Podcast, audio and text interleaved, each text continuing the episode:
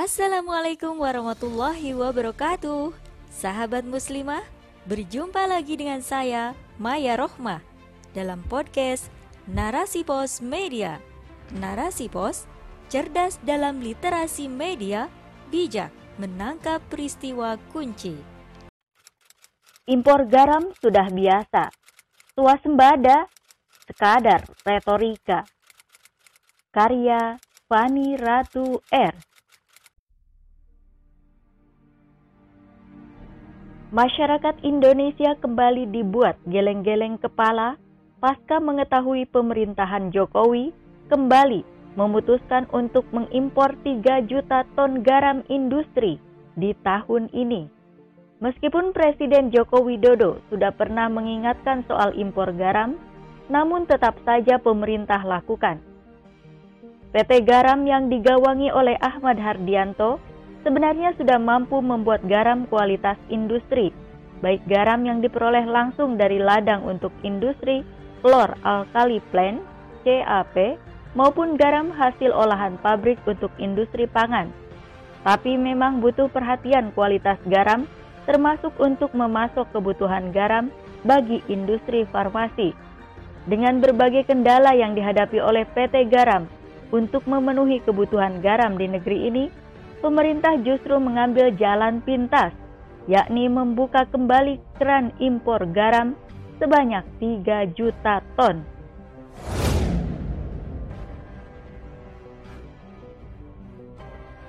Menelusuri potensi dan persoalan garam. Indonesia memiliki potensi lahan garam yang cukup besar, yakni sebesar 27.047,65 hektar dengan jumlah petambak sebanyak 19.503 orang. Tak hanya itu, Provinsi Kalimantan Utara juga memiliki potensi gunung garam dan tentu pemerintah bisa melakukan perluasan lahan tambak baru. Potensi garam ini terdapat di sebuah gunung di Kecamatan Krayan, Kabupaten Nunukan, Kalimantan Utara. Namun, sayang sekali, potensi yang ada ini justru tidak dikelola dengan optimal pengelolaan yang ada masih bersifat tradisional dan tergantung pada cuaca, sehingga jelas hasil produksi yang ada tidak mampu memenuhi kebutuhan dan berbagai kendala ini masih didiamkan oleh penguasa sebagai pihak yang bertanggung jawab atas urusan masyarakat. Bukan itu saja, perkara distribusi juga turut menambah keruh persoalan. Banyak pula dari petambak garam yang merintih karena hasil produksinya tidak mampu terserap di pasaran. Lantas, apakah persoalan ini hanya masalah teknis semata atau merupakan masalah sistematis?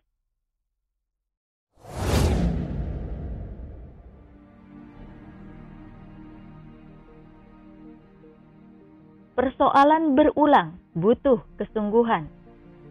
Mengenai masalah garam ini, Sebenarnya pemerintah dan BUMN yang mengelola pun sudah menemukan titik masalahnya, yakni kuantitas dan kualitas garam industri yang belum memadai.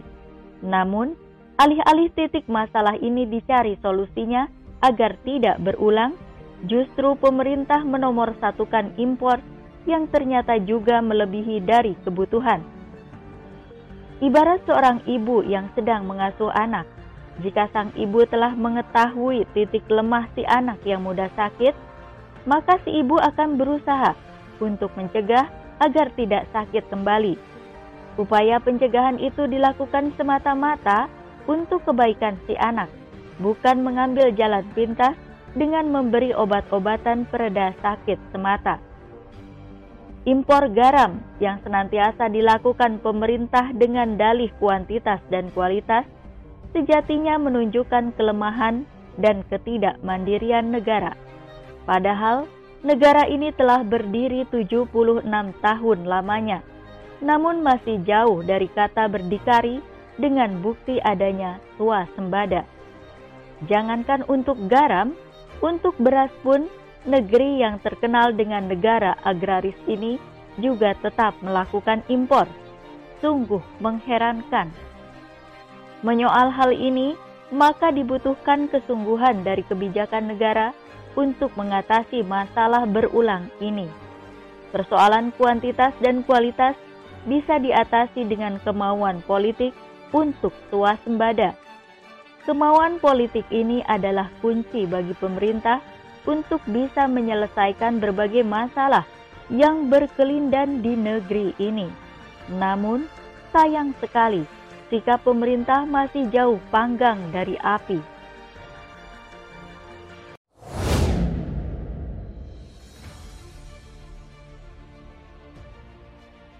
Kapitalisme pangkal persoalan. Kebijakan impor sejatinya buah dari hasrat penguasa untuk memenuhi kepentingan para kapitalis dan mengabaikan nasib rakyat sendiri. Dengan tegaknya ideologi kapitalisme ini pula, penguasa atau pemerintah hanya hadir sebagai regulator saja. Mereka justru membuat aturan yang berpihak pada kemaslahatan korporasi PT Garam sebagai BUMN tidak memiliki fungsi riayah atau pelayanan, namun berperan seperti korporasi swasta. Persoalan garam bukan masalah teknis semata. Pemerintah telah gagal menyentuh akar masalah sebab masih menggunakan logika neoliberalisme. Pemerintah lebih giat untuk impor terus-menerus, industrialisasi, dan juga mengandalkan korporasi dalam pengadaan garam. Kemauan politik untuk mengurus rakyat nihil, termasuk swasembada. Fakta ini tentu membuat masyarakat dan petambak rakyat makin menderita.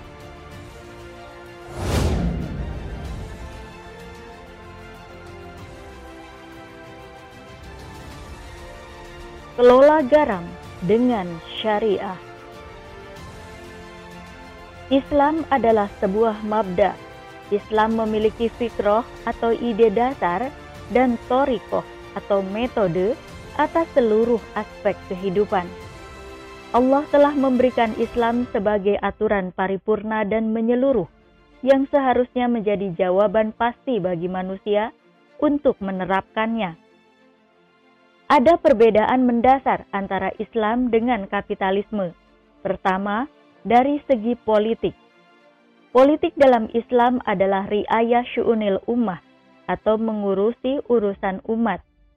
Ini jelas berbeda dengan demokrasi yang berorientasi pada materi semata. Penguasa dalam Islam berperan sebagai ro'in atau pelayan dan junnah atau perisai yang akan melindungi rakyat.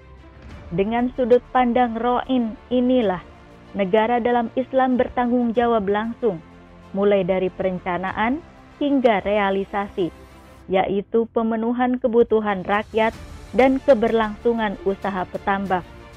Ini berdasarkan sebuah hadis Rasulullah Shallallahu Alaihi Wasallam yang artinya imam atau khalifah adalah ro'in atau pengurus rakyat dan dia bertanggung jawab terhadap rakyatnya.